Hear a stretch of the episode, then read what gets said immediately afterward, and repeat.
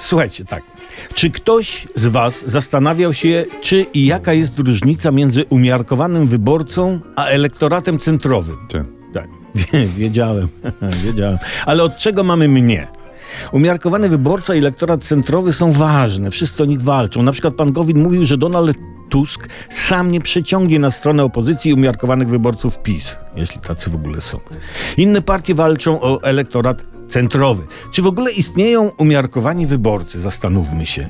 Ktoś kiedyś na imieninach wujka widział umiarkowanego wyborcę, ale to raczej legenda, klechta domowa, czy tam gawenda starego, brodatego pocieja. Umiarkowany jednak wyborca istnieje. Umiarkowany wyborca to taki, który głosuje w umiarkowany sposób, czyli tak raz głosuje, raz nie, to ktoś go namówi, ktoś nie. Jednym słowem, nie przesada z chodzeniem na wybory.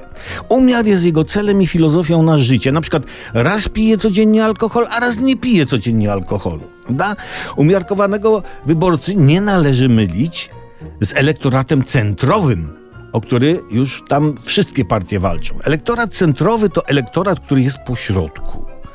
Uspokajającym, jak widzi, co robią i mówią radykołowie z obu stron. Elektorat centrowy chce, żeby było tak po środku, a nie z brzegu. No bo z brzegu może butelka spaść i się potłuc. A jak jest po środku, to nawet jak się przewróci, to zawsze można possać obrus. Umiarkowany wyborca i elektorat centrowy są bardzo cenni towarzysko. Prawda? Fajnie się z nimi imprezuje, bo dbają, by się płyny nie zmarnowały. No i co najważniejsze, nie pieprzą na imprezach o polityce.